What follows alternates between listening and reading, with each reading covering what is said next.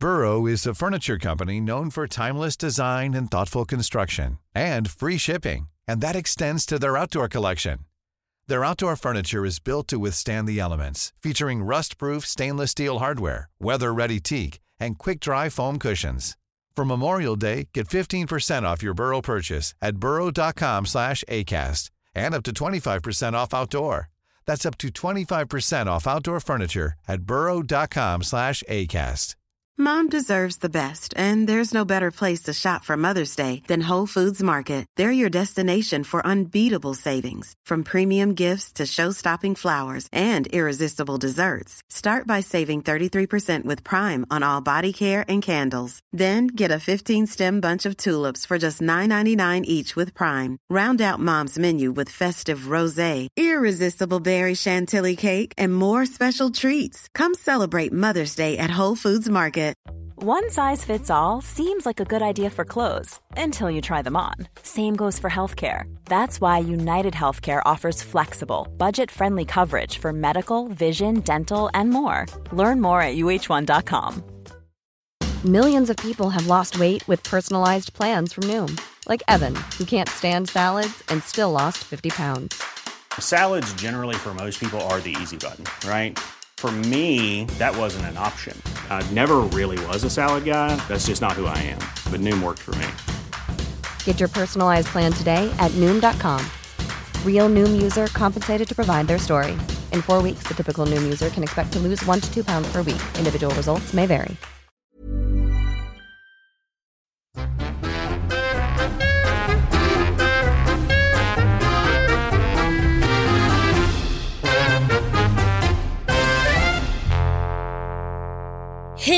Och välkomna till podden Snöpodden. Snövit de sju dvärgarna. Nej, små växta.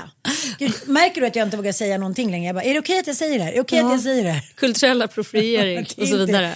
Det är inte lätt. Nej det är inte lätt att Nej. navigera. Eller jo Nej. det är fan skitlätt. Ja, Jag kommer det- ihåg när jag satt, jag blev så jävla så här mosad när jag satt och sa på en middag. Då sa jag så här, "Men fan förstår du för unga män nu för tiden hur jobbigt det måste vara efter metoo? Då sa han till mig så här, han bara, nej det är inte ett dugg jobbigt att inte våldta någon. jag bara, nej jag menar ingenting, förlåt jag tar tillbaka allt. Eller som någon sa så här, okej är du en schysst kille, är du en schysst kille, spelar ingen roll om det är 1833 eller om det är Nej. liksom 2022, Ja. då har du ingenting på Nej, dig. är man en schysst kille så är man bara generellt en schysst människa. Alltså, så Men kom du ihåg att det var det eviga samtalsämnet när man var på jobbet, när man var på Ja. krogen, när man var med sin man så här. Kan jag ha våldtagit någon? Ja, nej, bara, jag tror nej. att du känner om du stoppar in ballen och den andra liksom inte riktigt vill Ja. eller är för full eller liksom. Om någon, ja precis. Allting är ju egentligen så himla Det är enkelt. helt rimligt Ja. och superenkelt och det är inte dugg svårt och det är inte dugg synd om unga män idag. Det jag läste på en eh, Instagram, eh, ja, den är ganska känd men man får inte berätta vad som sker utanför där då. Men just det här med Mm. tjatsex. Hur vanligt det är. Jag, jag bara tänker så att det dog med metoo. Men det, det är klart att det inte gjorde. Men den här fantasifulla liksom elakheten som de här kvinnorna delar med sig av, vad deras män säger när de inte vill ligga med dem. Din rigida, det är ditt fel, du vill aldrig göra det och att inte heller där, det är därför jag var otrogen, det var därför jag spelade, det var därför hit och ditan.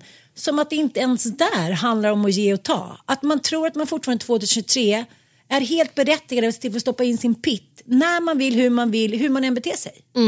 Men Det pratat ingår om man ihop. Annars så måste man ligga med andra. Och det är återkommande till när, när någon get busted med prostituerade. Mm. Att det är så här, min tjej vill inte, hon vill inte testa på lite tokiga grejer. Vad är tokiga grejer? Så här, slå någon, strypa någon, Kissa ligga med någon. prostituerad. Mm.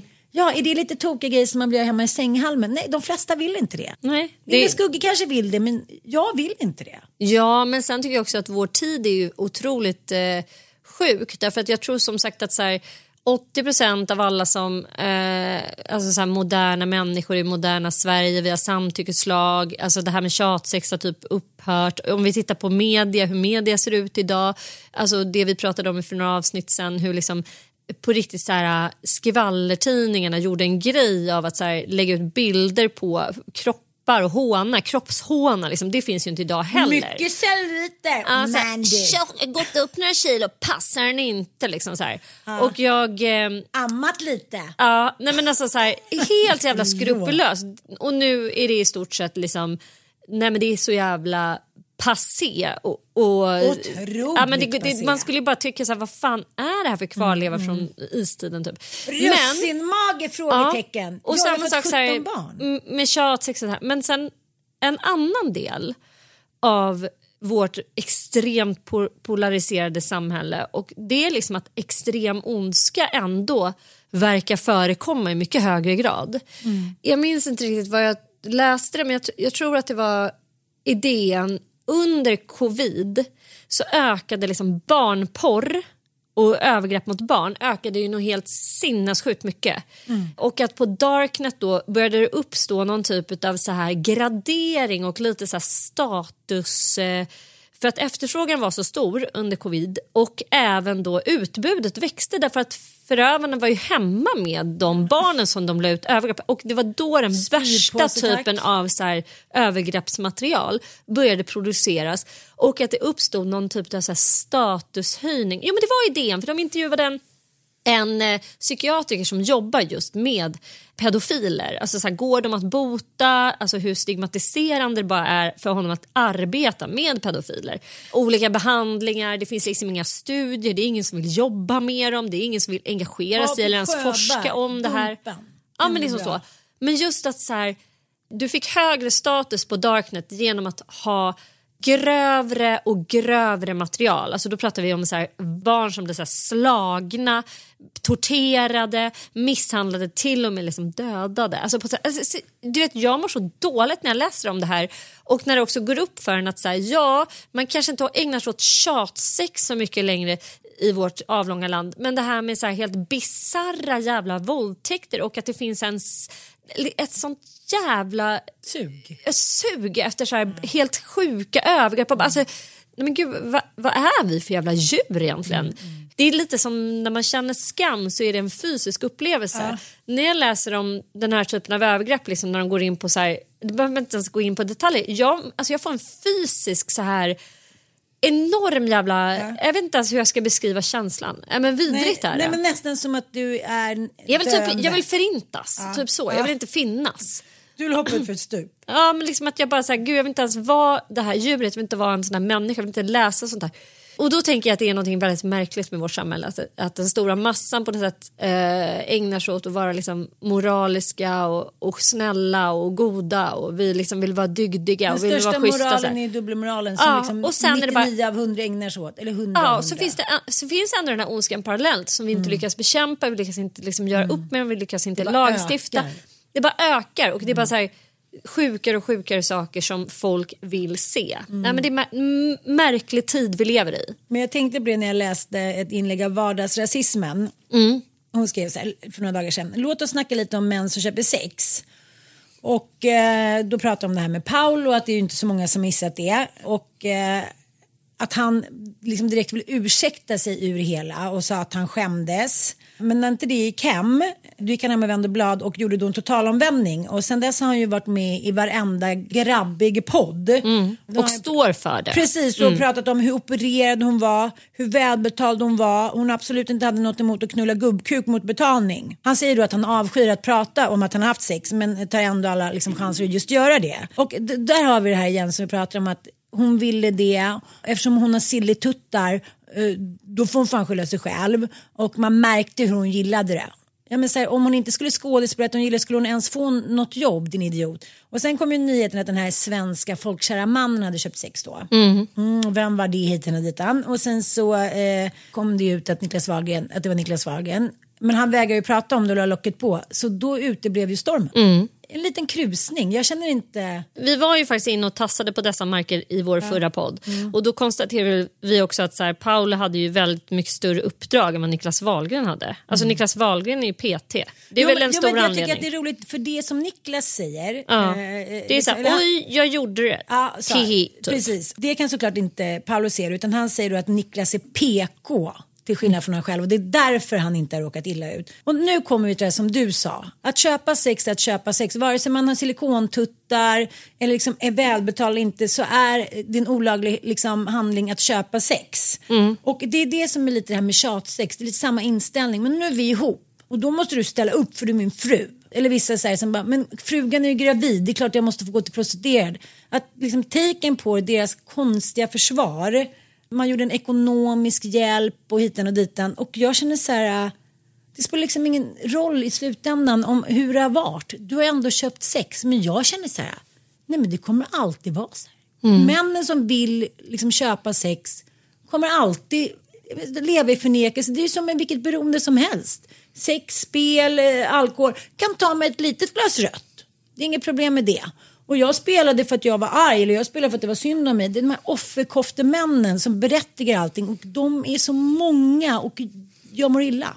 Alltså det är så svårt att, att ta på för att liksom dels så ser man ju såklart om man tittar över världen och liksom intresserar sig för då sexköp liksom, eller våldtäktsköp om man eh, utgår ifrån. Eh, det finns ju hur mycket studier som helst som visar att de flesta som eh, är prostituerade absolut inte vill vara det om de hade haft eh, val att försörja sig på andra sätt. Att det faktiskt, eh, när man hamnar i den branschen så gör man inte det av lust utan man gör det för att man ser en intäkt där och som är svår att få någon annanstans. Liksom. Och så har det sett ut i alla tider men det är klart att i länder som har en generösare lagstiftning typ Tyskland, Holland, Spanien där man liksom har legaliserat Thailand. bordeller och så vidare. Ja, fast i Thailand så är det faktiskt inte legalt. Alltså det är en ganska smutsig marknad. Även om man väljer att se mellan fingrarna så finns det liksom, alltså de har inte legaliserat prostitution på det där sättet som man har till exempel i Tyskland. Men där ser man ju såklart att befolkningen har en annan blick på att besöka prostituerade. Att det, liksom, det går ju hand i hand, lagstiftningen och hur folket moraliserar eller inte moraliserar kring Det är det. som med Mariana. Liksom. Ja, att så här, man faktiskt genom lagstiftning kan få på? Förändra rätt på? människors eh, blick på, ja. en, ett, även, alltså på, någonting, på ett skeende eller vad man ska säga. Det går ganska snabbt. Ja, det går ganska snabbt. Och även forskning då, man lyckas nå fram och nå ut med den forskningen att så här, nej det var inget bra för bebisar att passivröka. Typ så här, Okej, vi lagstiftar bort det. Så buffas? Nej, det var inte heller jättebra. Men ja, jag vet inte, det är ändå någonting som du säger fascinerande. Det är också så här, prostitutionens eh, försvarare brukar säga så här, det är världens äldsta yrke, det kommer alltid finnas de som gillar att hora ungefär. Man bara, mm, det kommer alltid finnas fattigdom, det kan vi vara överens om. Och fattigdom kommer leda människor till mer eller mindre desperata handlingar och man kommer, om man tittar på Maslows behovspyramid, har man inte sina basala behov uppfyllda då kommer man börja talla på sina egna liksom, andliga och eh, värderingsmässiga behov. Alltså man, man kommer börja göra saker som man inte alls eh, eh, skulle göra om man hade liksom, sina basala behov tillfredsställda Ja. man hade tak över huvudet, mat för dagen Mm. och pengar att betala sin hyra och så vidare. Då är inte den första tanken att man går ut och prostituerar sig. Nej. Punkt. Utan det kommer ur någon typ av desperation. I 99 så kommer det alltid finnas undantag från regeln och det finns alltid människor som ska trycka upp det i ansiktet på en men då ska man komma ihåg att det verkligen är undantag från regeln. Men alltså absolut, dubbelmoral. Det är, det är, liksom Det är som det där med och, och sugar pol- daddy. polarisering. Att det, är så här, hur, det, det finns liksom en jättestark motrörelse till prostitution. Den har vunnit väldigt stora marker men det finns också en stark så här starkt försvar med Alexander Bard och, och Roberto i spetsen. Att man liksom så här, och den Andrew Tate-grabbskaran har ju också så här, de fanns inte för tio år sedan. Har du tänkt på det? Nej, jag vet. Och det är också Andrew konstigt. Tate, eh. Nej, jag som vet, bara jag såhär, fan det är väl skitcoolt att ha såhär cam girls, typ Mm. ett stall med cam girls. Man bara, va? Men gud du är såhär... Det, det, Varför det, mår det, han här- på dåligt? Nej, men det är den här jävla vågrörelsen som ständigt pågår genom historien att det skapar sig som motreaktioner till så här normtyckandet. Liksom. Och nu, det, det, då ska man alltid vara någon slags outcast som tycker tvärtom och som ska vara liksom antingen åt det ena eller andra hållet. Och, och så får det väl alltid vara. Det, det, riktigt läskiga är väl när normtyckandet blir så här riktigt moraliskt dekadent. När liksom normen, alltså merparten av en befolkning tycker typ att så här, det är toppen med prostitution. Tycker 80 procent Ja, av... nej, ja. Där är vi gå. inte nu. Nej, det är vi inte. Vi hoppas inte på det. Och jag vill eh, återgå då till förra veckans mycket uppskattade Forbes-lista. Ja, Uttalar jag? Forbes. Eh, jag vet inte, heter det? Forbes? Nej, det, eller heter det bara Forb? Forb. We don't know. Forbes. Ja. Eh, det är många som har känt igen sig i den och tyckt att den har varit rolig. Ja. Eh, Vi tyckte inte att den var så rolig eftersom vi... Vi skårade väldigt lågt. Vi var inte mentalt starka. Men jag står för det. Ja, vi är på väg tillbaka. Nu ska jag bli mentalt stark. Jag Mm. har köpt en bok som jag ska berätta lite mer om sen. Men jag ska börja med att spela upp en grej Mm. eh, som min son Ossian skickade till mig efter den här podden. Losers see thunderstorms, winners see rainbows. Losers see icy streets, winners put on their ice skates. Losers take chances, winners make choices. It's all in the way you choose to think. And Earl Nightingale and the scriptures and people through the years have said it best. You do become what you think about most of the time. And most of the time, you and I think about winning and success and positive opportunities. And we control that. Det här är ju en tidig 70-tals föreläsning. Vägen till framgång. Så här, du, du kan bli vad du vill. Du kan bli rik. Du kan bli wealthy. Du kan live in the good life. You just choose it yourself. Even though you live on the street, you can be happy. Nej, men alltså, det här har ju forskarna pratat om att så här, det är lite farligt att framställa det som att alla bara kan bli så Sveriges mest och världens mest positiva människor. För det kan också sätta käppar i hjulet. När man inte känner så så ger man upp. Liksom. Men eh, då fick jag eh, ett tips av, av en bok av en killkompis. Nämn inga namn. Killkompis inom citationstecken. Precis. Den heter då The Upside of Your Dark Side. Why being your whole self, not just your good self, drives success and fulfillment. Oj, fan vad spännande. Verkligen. Och då menar den här eh, mannen då Todd B. Cashton och Robert Bizavaz Diener. Varför ska de alltid heta såna här eh, bra namn? Ann Södlund hade inte alls ett bra. Annie S. Baby Boom Bizwas. Alltså, så- Det är roligt när man tittar på någons namn hur man tillskriver dem smartness. Ja. Man fattar. Bizwas Diener. Det är så här, ja. Ja. Mycket mer buzz. Precis. I den här boken så vänder de på det här att så här, positivismrörelsen och liksom den typen av experter har liksom sagt att vi ska då tänka bort våra negativa känslor och eh, ja, men, liksom fokusera då på det här mindfulness, positive thinking, body positivism, positive, liksom, Mm. ditan och ditan. Men de här då snubbarna eh, säger så här, men det vet vi ju själva att, så här, att vara liksom de här positiva känslorna eller ljusa känslor, de är ju inte enkom i våra kroppar och våra själar. Annars skulle ju inte en jävla människa känna skam, vilket 99% av befolkningen gör. Och därför så ljuger man, det blir beroende, ja men du vet, hela den där jada jada. Och de säger då att, här, att vara arg skapar kreativitet, att vara självisk gör att vi blir modiga. Och skuld är liksom en väldigt stark motivation för att så här, utföra stordåd. Liksom. The real key to success lies in the emotional agility. Och, ja. och så har de liksom massa, massa exempel då på människor som har lyckats genom att eh, business leaders och föräldrar och liksom alla som eh, alla som vill då börja jobba med psykologiska verktyg som inte är som vi har trott. Men jag, det är roligt för att jag har ju hört det från flera manliga författare och konstnärer att deras här, absolut eh, mest starkaste drivkraft när de debuterade det var revenge. Alltså revansch. Ja, jag fattar. att ta revansch, att man har liksom blivit lite nedtryckt, man har varit i en skolmiljö där man har varit en nobody, ingen har liksom sett liten, Man har varit lite liksom en osynlig person men nu jävlar ska jag visa dem. Och jag känner också så här jag är helt med på det, så här, skuld och känslan av att jag inte har gjort mitt dagsverk i det eh, ska göra. Att man så här, lite grann ligger och slår på sig själv på kvällskvisten. Så här, Fuck, jag har glömt det där också. Fan, nu har jag glömt det där. Alltså, så här, och så tänker man, men gud det är inte bra, jag måste skriva tacksamhetslista. Jag kan inte hålla på och vara så negativ och slå på mig själv. Så bara, nej, men jag tror att det där äh, mentala örfilandet av sig själv Alltså det får mig också att leverera. Att jag säger nej nu gör jag bara det här, jag måste göra det här, jag måste göra klart det.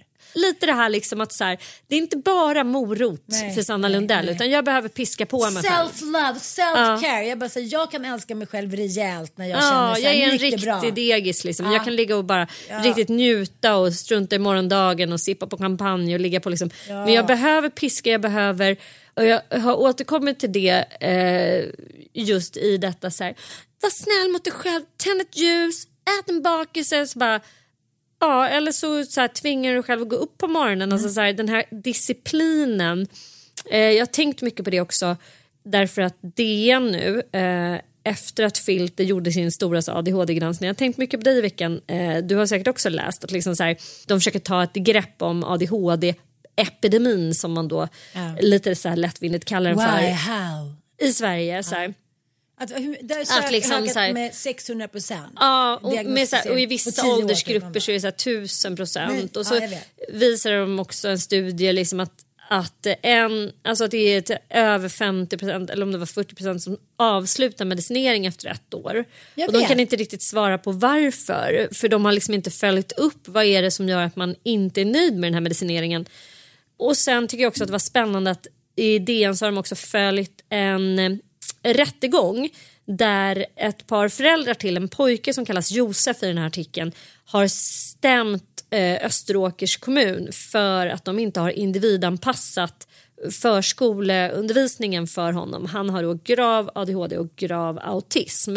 Och caset är att föräldrarna då på egen hand efter förskoletid har använt sig av en viss typ av pedagogisk modell för att hjälpa honom eh, att kommunicera bättre. Och förskolorna då inte velat använda samma pedagogiska modell utan de har använt liksom en annat, det finns ju olika så här träningsmodeller för barn med autism, alltså så här, ko- hur man kommunicerar. Och det är alltid från bildtavlor till ljud, liksom läten, det finns teckenspråk och så här, massa olika. Och då har förskolan valt en helt annan modell vilket har då gjort det väldigt svårt för, för den här pojken att liksom kunna skilja på vilken utav de här kommunikationsmodellerna som... Så att, han har då gått tillbaks i utvecklingen och förlorat jättemycket tid liksom, menar föräldrarna. Men nu fick då Österåkers kommun rätt vilket gör att föräldrarna kommer få bekosta hela den här rättegången.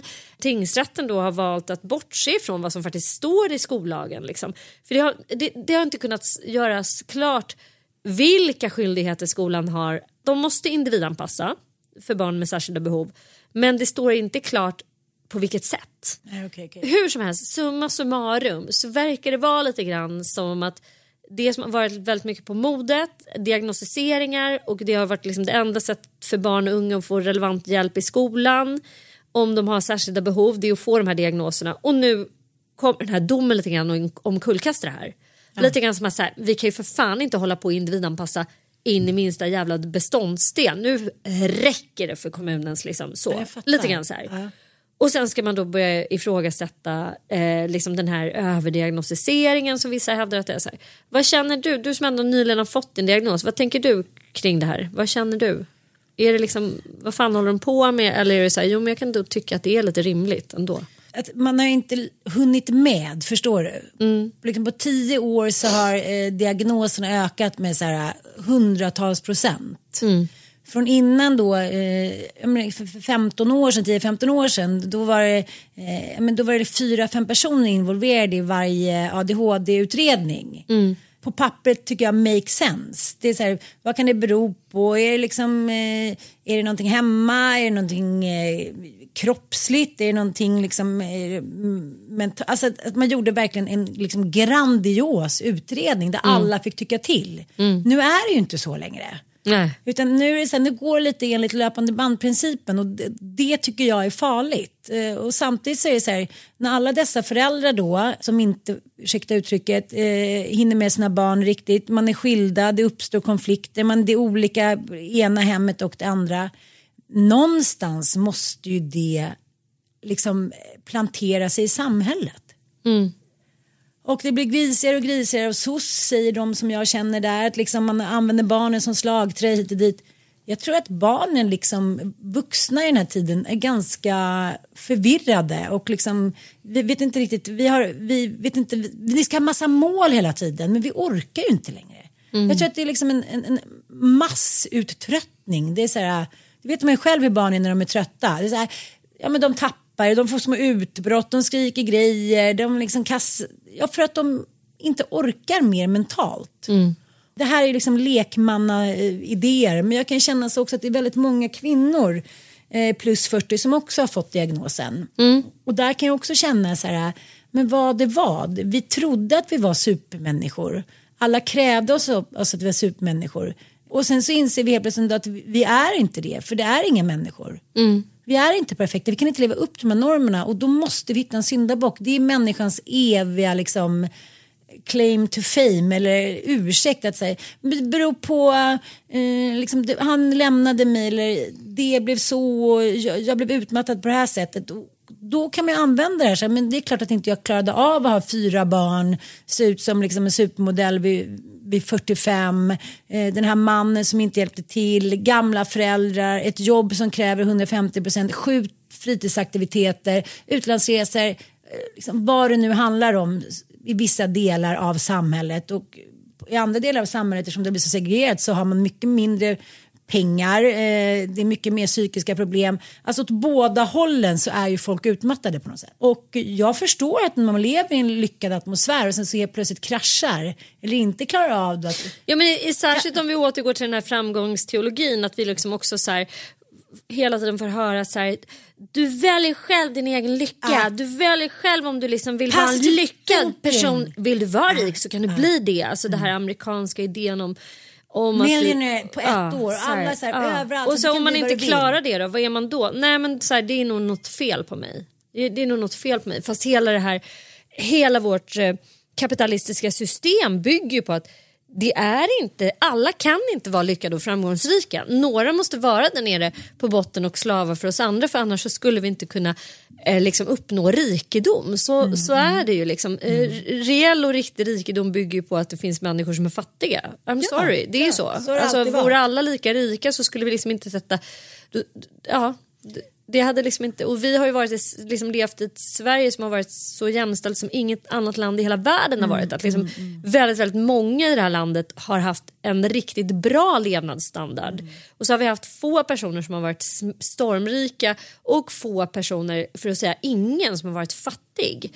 Så försökte vi lösa det under en liten kort tids period mellan 40-talet och 80-talet. Det är inte mer än 40 år och nu eh, lever vi inte så längre. Nu är vi tillbaka i ett klassamhälle, i ett samhälle där vi har liksom, typ mest miljardärer i hela världen samt så här, ganska många som håller på att bli fattiga. Så att det är liksom en spännande tid. Men det är också en grej som jag hörde häromdagen att problematiken kring läsning och skrivning i skolorna.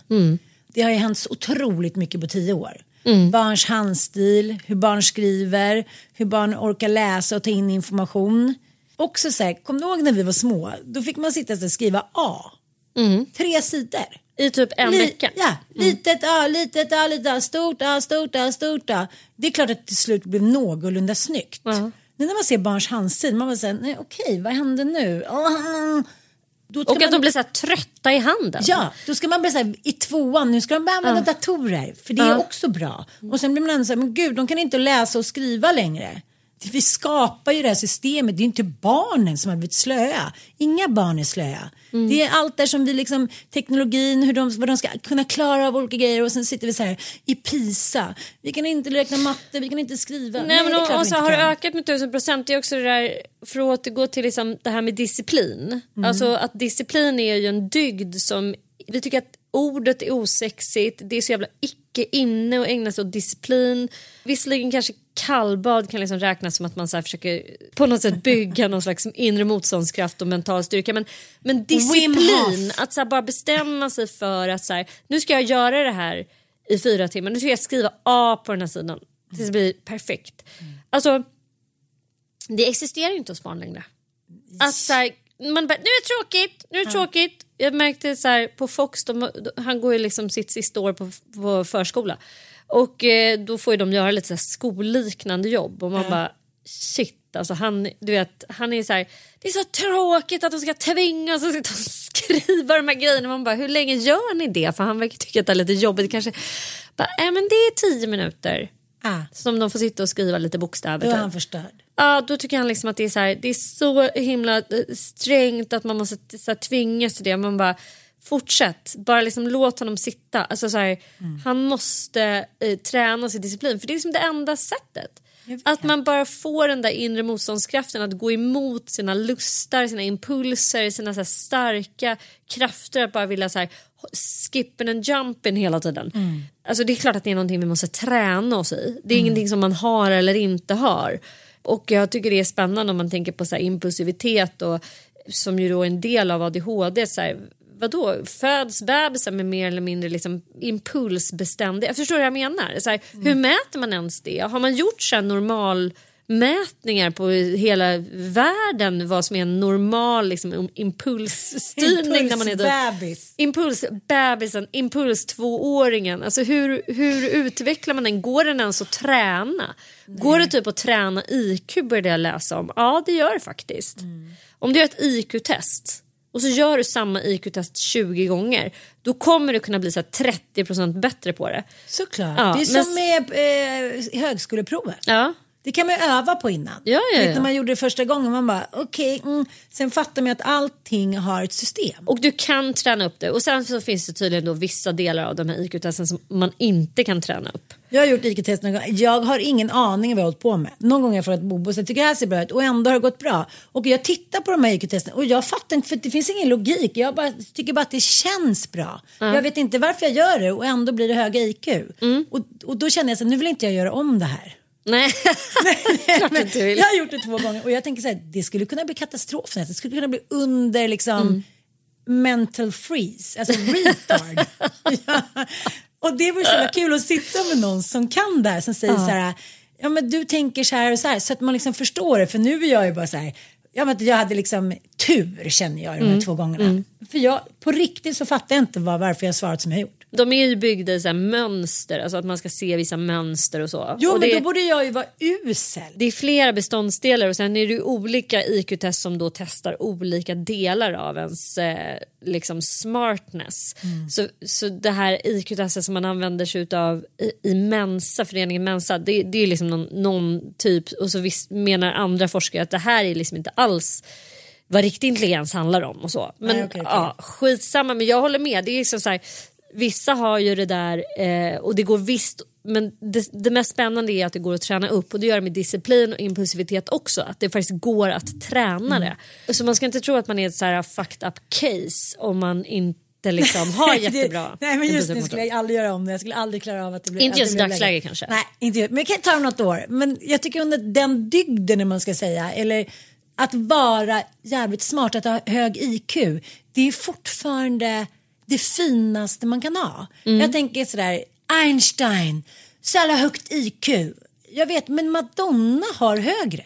Alltså Mm. förstår du, så att det är liksom, det är fortfarande så Einstein. Ja, men att det är någonting, Han men det behöver inte säga någonting om vad man, hur framgångsrik man Nej, är i, nej. i, liksom, i övrigt. Du kan ha ett jättehögt IQ men liksom leva ett extremt påvert liv för att du har Ja. liksom noll sociala skills, du har noll empati. Men du förstår har du vad jag menar? Så, så här, Ja. Minnesmästaren. Ja. Åh, högt IQ. Men vi är ju liksom. väldigt fascinerade av det där. Ja, men jag är också Mm. det. Men det finns andra sorters IQ nu enligt Amelia. Jag menar det kommer. EQ. EQ. Man bara, I don't give a fuck. Ge mig Nej. bara ett högt IQ så skiter jag i resten. Typ. Känner du så? Du har... Ja! Och jag vet Jag visste inte att du varför. kände så starkt för det. Men älskling, jag har väl EQ? Du har nog både och tror jag. Men jag är i alla fall glad för jag och Micke gjorde IQ-test och vi fick exakt samma. Vi gjorde Mensa-testet. Ja, vi kvalade inte in på Mensa men vi hade så en poäng ifrån typ. Komma in där. Nej! Jo. Och så hade vi exakt samma. Och efter det gör inte jag heller om det, aldrig. Nej, nej, Utan nej. liksom så här, där är vi så break-even, toppen, ingen är smartare än någon annan, jättebra. Är du inte bitter för att ni hade lika mycket pengar? Nej jag tycker att det var ganska roligt. Men hade att man här, exakt lika många poäng? Och det gjorde Det bra, helt liksom så här, ja, det, var, det var faktiskt väldigt roligt. Vi gjorde det så här rakt efter varandra. Ingen hade ju tränat liksom.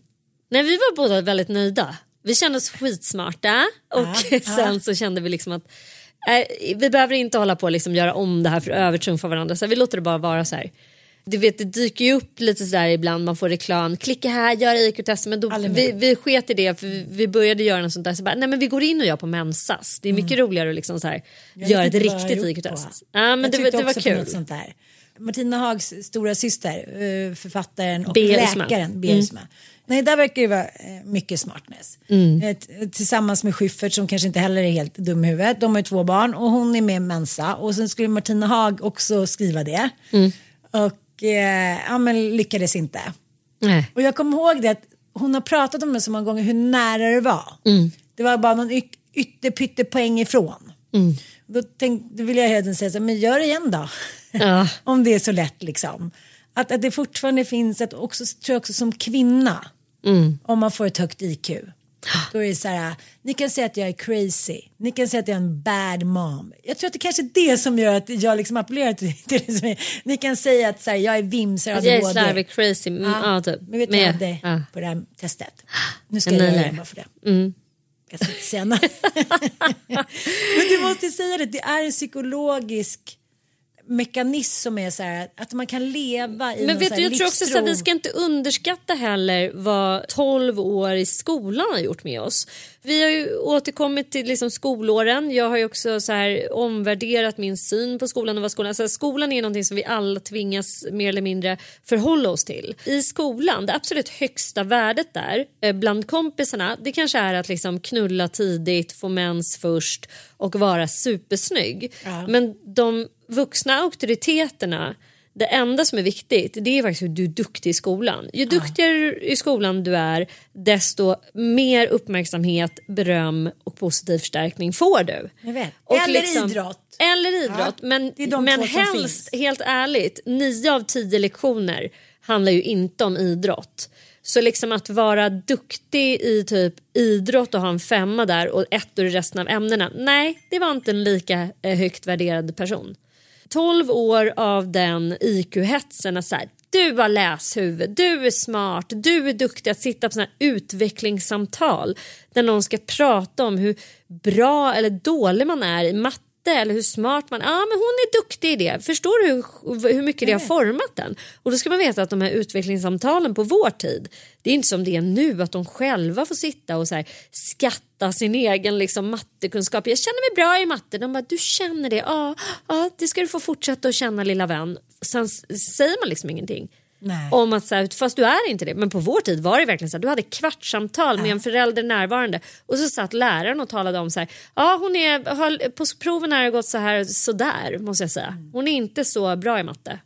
Alltså, kommer du ihåg det? Jag vet och jag, jag kommer ihåg också att Barbro som var min lärare i trean till sexan. Hon, hon skrev som den gamla skolans betyg och gav på oss när vi gick i fyran. Ah. Ja, Ann har femma där och, han, och mamma satt men vad, vadå, vad baserade hon det på? Ordning och uppförande, kommer jag ihåg att vara så här, vi har ju inte det längre men det kan jag säga att hade ni haft det då hade det inte gått bra i uppförande. Det pratas en hel del på Sanna Lundell.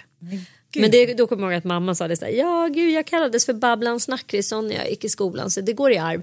Men också att så Babblan här, snackisar, för fan vad gulligt. Babblan Snackrisson så jävla gulligt. Ja, men hur, som helst, vi ska icke underskatta det när vi tänker på och hetsa kring att man gärna vill ha högt, högt IQ eller ha högt på liksom, jag som högskol. Nej men vet du, jag tror att det är skitmånga som känner igen sig. Ja. Ett dumt får, vem fan ville vara det i skolan? Nej. Ingen. Nej, Alltså det så här, var förenat med att gå till varje dag och känna så här, fan jag är ingen smart, jag är ingen bra, jag är ingen bra i skolan. Det är vidrigt, det är inget roligt. Fattar, jag fattar. Men jag förstår också att det är många föräldrar som så gärna vill att deras barn ska vara duktiga i skolan och ska vara duktiga på idrott. Så det blir lite så här, det ser man ju särskilt på pappor när de ser att deras söner eh, specifikt kanske inte når upp till nivån som de andra i fotbollslaget. Det är, så här, det Mm. är värre än om deras pitt skulle trilla av.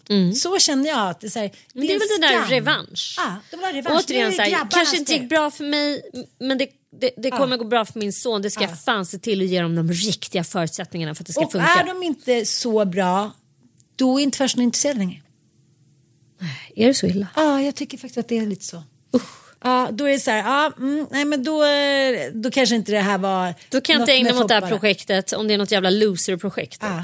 Och också den statusen föräldrar kan få. Jag kanske kackar eget bo nu. Hetsfotbollsmamman bara talar. Och jag kackade lite eget bo. Men det står jag för. Eh, nej, men- ja, jag erkänner ju att n- liksom att jag själv kände som att jag höjdes lite i status inför mig själv när Frasse kom med här. Och det var 500 som han hade sökt ut och dit. Jag förstår att det är så att man vill leva genom sina barn och jag kommer ihåg pappa, alltid, han har alltid kört med den där anekdoten att jag lärde mig läsa själv när jag var fyra. Typ. Jag satt på kammaren. Jag var, jag var med ett fack. men Det är klart att jag, och sen att jag läste för mina kompisar då städade de mitt rum när jag var fem. Jag var så här, ett, vem städar ens sitt rum när de är fem? Ja, vem- Det är så här Ja, så här, öra.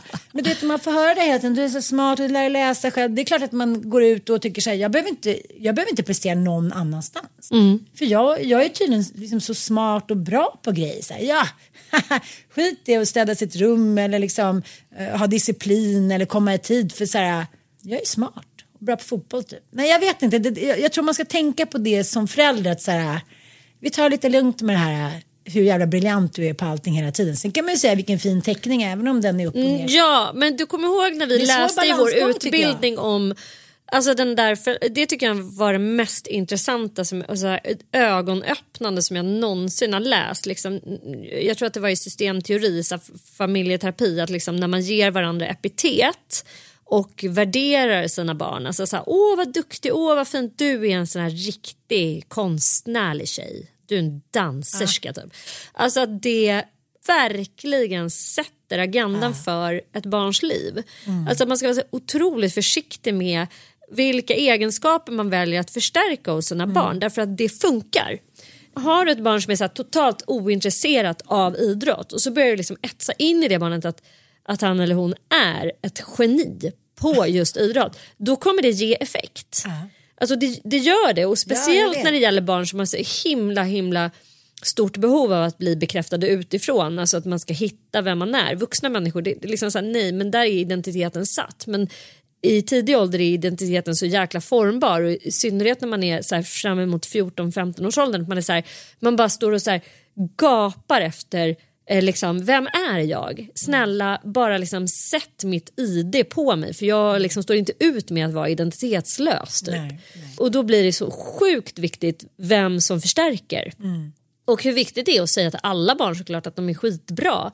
Men samtidigt så här, jag vet inte om det var så jävla fel att få höra så här, "Eh, hon är inte jättebra på matte. Nej. Det är väl också en del av ens liv att man behöver lära sig att hantera motgångar för det verkar barn vara urdåliga på idag och även vuxna. Att så här, Oj, du var dålig på det där. på det. Alla är så här, man bara, ja vi, har, vi får inte träna oss på det. Alltså så här, att det gör ont, viktigt, att man skäms, att man får känna så här, nej eh, alla behöver inte vara bäst på allt men det är okej, jag har liksom ett existensberättigande ändå. Jag vet inte, vi lever som sagt i en konstig tid när det liksom både så ett varmare klimat men sen är det så extremt polariserat åt andra håll. Ja. Ja, spännande. Jag undrar hur vi kommer se tillbaka på den här tiden.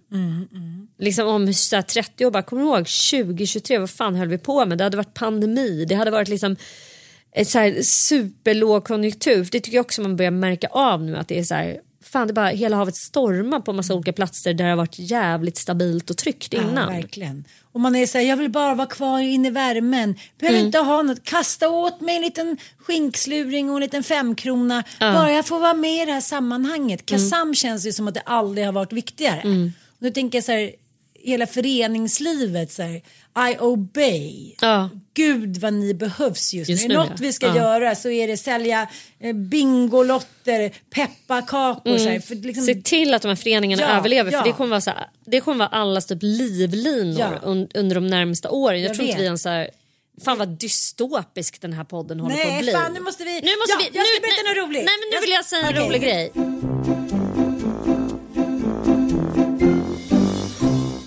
Hörni, kära lyssnare. Nu ska vi äntligen avslöja vilka utav er som kommer få testa Lindex och Female Engineerings fantastiska klimakteriekollektionskläder. Ja, och eh, ni är jättemånga som har eh, tävlat och eh, jag förstår det för de är helt underbara. Mm. Okej, vilka vann då Sunnisen? Till att börja med så ska jag be att få tala om att Tessan, Tess Ekberg, kommer vinna ett litet kit. Hon skriver så här. Åh, jag behöver verkligen få möjlighet att prova dessa fantastiska underkläder, tröjor från Lindex. Jag är 51 år och är mitt i klimakteriet. Jag svettas så mycket på nätterna att jag måste byta lakan. Sover emellertid på handduk med hopp om att bara byta den, men icke. Jag får även frossa efter mina vallningar, även dagtid, så mina stickade plagg kan jag inte använda just nu tyvärr. Jag blir så tacksam om ni ger mig den här möjligheten. Tack för en fantastisk podd. Kram från Tessan. Alltså allt du behöver göra nu Kära Tessan, det är att eh, skriva till oss. Ge oss din adress så ska vi skicka dig ett eh, kit. Ja, det var den första. Ja. Och sen har vi då lottat ut här. Vi ska säga så här, det, vi, det här var ju ingen tävling utan det är en utlottning. Ja. Så ni som har skrivit till oss på Inte din morsas Instagram har alla varit med i den här och vi har slumpmässigt valt ut er. Malin Meijer Lundqvist! Livet pissar mig i facet från alla möjliga håll just nu så bara ge mig ett femtextset nu. Med lite rim också, det ska du fan ha cred för Malin. Ja, jag tycker vi tar en till. Okej, Ja. en tredje. Och det här eh, Elisabeth, du heter bara Elisabeth, du får också eh, höra av dig. Eh, lyssna på den här historien där. Vaknade och påstod full av förskyllan att min söta härliga kille hade kissat i sängen. Det hade han inte. Det var jag som hade hamnat i klimakteriet. Vi hade dessutom bara varit ihop i fem månader. Elisabeth, hör av dig. Jag kan skriva till här också. Ja, vi Eh, skriver till er också ja. förstås på Instagram. Så eh, tack Female Engineering, eh, Lindex Femtech-märker för att ni gör såna innovationer för oss kvinnor. Vi behöver det.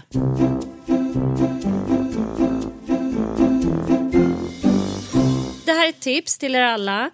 Det är att gå, det är för sig också lite halvt dystopiskt men ändå jävligt eh, måste jag säga upplysande.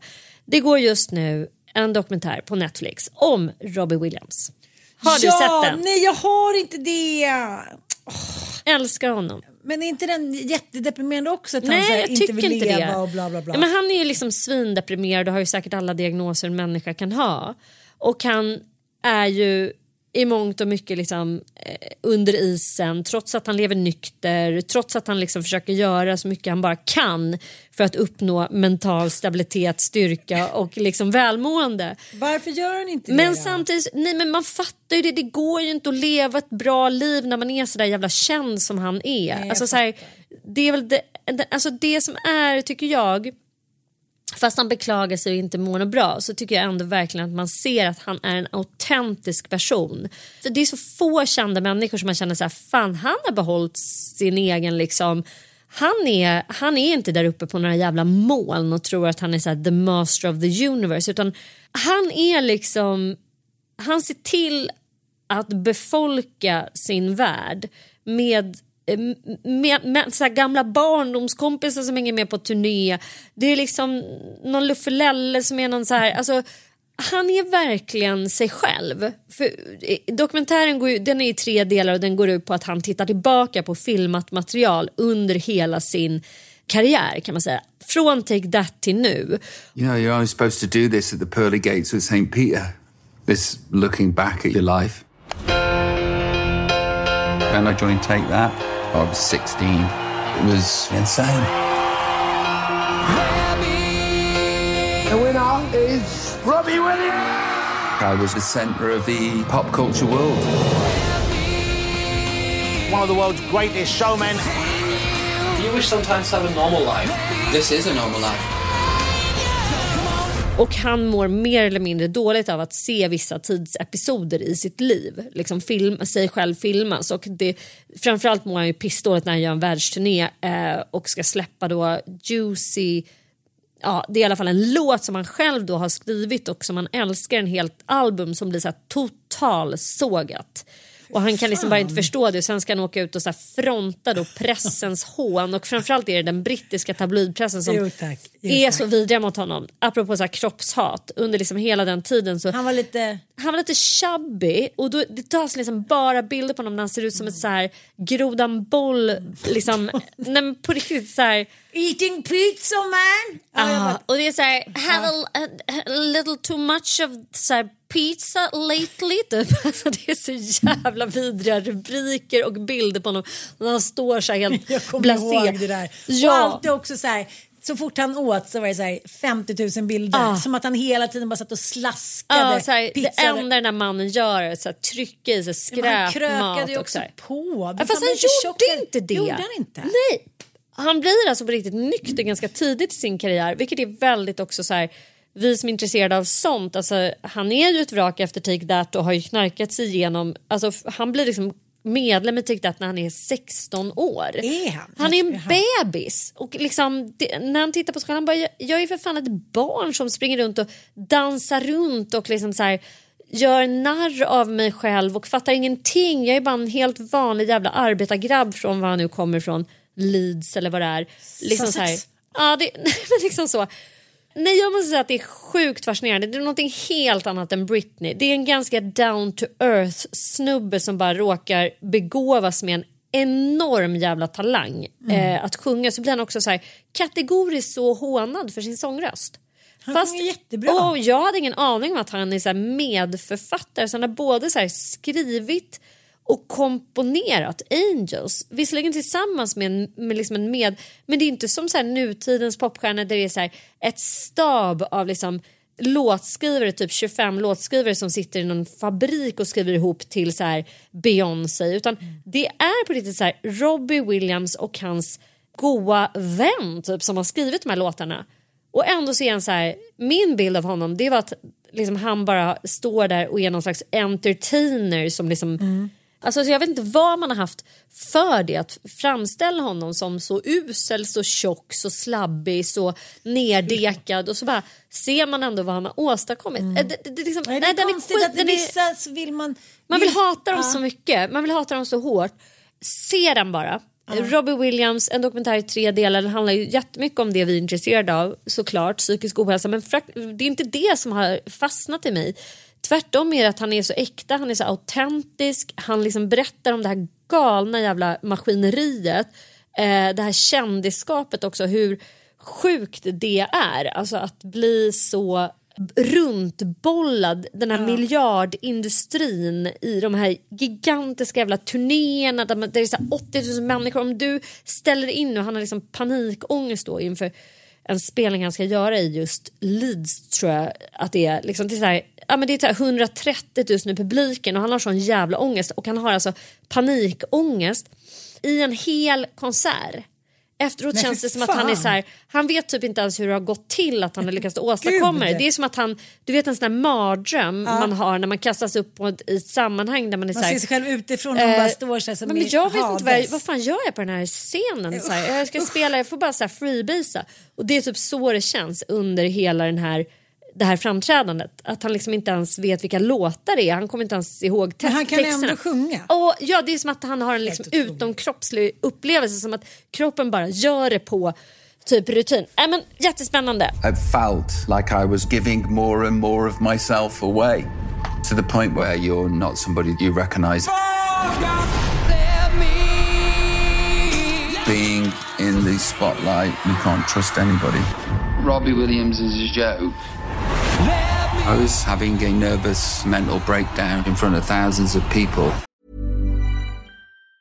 Mom deserves the best, and there's no better place to shop for Mother's Day than Whole Foods Market. They're your destination for unbeatable savings, from premium gifts to show-stopping flowers and irresistible desserts. Start by saving 33% with Prime on all body care and candles. Then get a 15-stem bunch of tulips for just $9.99 each with Prime. Round out Mom's menu with festive rosé, irresistible berry chantilly cake, and more special treats. Come celebrate Mother's Day at Whole Foods Market. Cool fact a crocodile can't stick out its tongue. Also, you can get health insurance for a month or just under a year in some states. United Healthcare short term insurance plans, underwritten by Golden Rule Insurance Company, offer flexible, budget friendly coverage for you. Learn more at uh1.com. Burrow's furniture is built for the way you live. From ensuring easy assembly and disassembly to honoring highly requested new colors for their award-winning seating, they always have their customers in mind. Their modular seating is made out of durable materials to last and grow with you. And with Burrow, you always get fast, free shipping. Get up to 60% off during Burrow's Memorial Day sale at burrow.com slash ACAST That's burrow.com slash ACAST. burrow.com slash ACAST. Quality sleep is essential. That's why the Sleep Number Smart Bed is designed for your ever evolving sleep needs. Need a bed that's firmer or softer on either side? Helps you sleep at a comfortable temperature? Sleep Number Smart Beds let you individualize your comfort so you sleep better together. JD Power ranks Sleep Number number 1 in customer satisfaction with mattresses purchased in-store. And now, save 50% on the Sleep Number limited edition Smart Bed for a limited time. For JD Power 2023 award information, visit jdpower.com/awards. Only at a Sleep Number store or sleepnumber.com. Ja, men innan vi slutar så ska jag också säga att jag ska rapportera lite sen. Jag har testat Emcella. Vad är det? Det är en eh, inkontinensmaskin och liksom lite pullerullig maskin när man känner att så här, Ja, du vill träna upp eh, styrkan Ja. i... Eh, alltså är det en klassisk sån istället för knipkulor? Ja, du Aha. sitter alltså som på en bajamaja. Ja, en toalett. Ja. Du sitter så här lite bredbent som att du ska sitta på en buss och är kille på sommaren. Ja. Och sen så sätter den här igång då. Jag bara, men gud kommer jag få en orgasm här liksom på, på institutionen typ. 1200 knipövningar Ja. på 28 minuter. Alltså så här, du vet. Alltså den- maskinen åstadkommer Ja. knipövningar så du Ja. behöver inte hålla på själv och tänka. Nej, man sitter bara där. Men vadå, du har ingenting infört i slidan? Nej, det är liksom som att det- är Du elektron. sitter på en platta typ? Ja, Men gud vad bisarrt. jag vet. För jag har bara känt lite så här, du vet efter min förlossningsoperation så måste man ju eh, Träna upp. Ja, och så kanske man inte kniper riktigt så bara känner så nej men gud, nej men nu känns det inte liksom som det gjorde för några månader sedan. Ja. Och så bara eh, eh, dök jag på den här, just jag bara 1200 knipövningar på 28 minuter. Men det har ju inte jag gjort i hela mitt liv. Nej. Så att eh, nu ska jag testa det här fyra gånger och sen så ska jag berätta om det känns någon skillnad. Men är det här någon klinik man kan gå till som erbjuder den här typen av behandling? Men jag eh, gjorde det här för att jag såg att Nico, Nicole, Nico Pick eh, hade varit och eh, gjort det. här. Så Stockholm understreck aesthetics. Okej. Ja, nu ska jag eh, se om det blir någon skillnad. Men tänk ändå, alltså det är ju helt otroligt. Mm. 28 minuter, 1200 knipövningar. Nej men det är inte klokt. Ja, det måste ju bli skillnad känns det som. Ah, ja, eh, Ja, kära lyssnare, detta var allt ifrån eh, Den dyspostopiska den dystopiska podden. podden. Är det det vi kan kalla den för? Vi, vi, vi, nej. Nej, Nej, nej, nej, Ja, nu, nu, nu, nu blir vi positiva. Positive thinking. Jag tar tillbaka allt. Ska bara tänka positivt. Allt är perfekt. Imorgon ska jag vara mångmiljonär. Jag ska få ihop med en kille som jag älskar. Jag ska gifta mig nästa onsdag. Och ha välartade barn och vara den hetaste 51-åringen i Sverige. Så tack för att ni har lyssnat. Puss. And through oh, she offers me protection, a lot of love and affection, whether I'm right or wrong, and down the waterfall, wherever it may take me. I know that life won't break me when to call she won't forsake me. I'm loving angels instead. Mom deserves the best, and there's no better place to shop for Mother's Day than Whole Foods Market. They're your destination for unbeatable savings, from premium gifts to show-stopping flowers and irresistible desserts. Start by saving 33% with Prime on all body care and candles. Then get a 15-stem bunch of tulips for just $9.99 each with Prime. Round out Mom's menu with festive rosé, irresistible berry chantilly cake, and more special treats. Come celebrate Mother's Day at Whole Foods Market. Planning for your next trip? Elevate your travel style with Quince. Quince has all the jet setting essentials you'll want for your next getaway, like European linen, premium luggage options, buttery soft Italian leather bags, and so much more. And is all priced at 50 to 80% less than similar brands. Plus, Quince only works with factories that use safe and ethical manufacturing practices. Pack your bags with high-quality essentials you'll be wearing for vacations to come with Quince. Go to quince.com slash pack for free shipping and 365-day returns. Hi, I'm Daniel, founder of Pretty Litter. Did you know cats tend to hide symptoms of sickness and pain? I learned this the hard way after losing my cat, Gingy. So I created Pretty Litter, a health monitoring litter that helps detect early signs of illness by changing colors, saving you money and potentially your cat's life. Pretty Litter is veterinarian developed, and it's the easiest way to keep tabs on your fur baby's health right at home. Go to prettylitter.com and use code ACAST for 20% off your first order and a free cat toy. Terms and conditions apply. See site for details.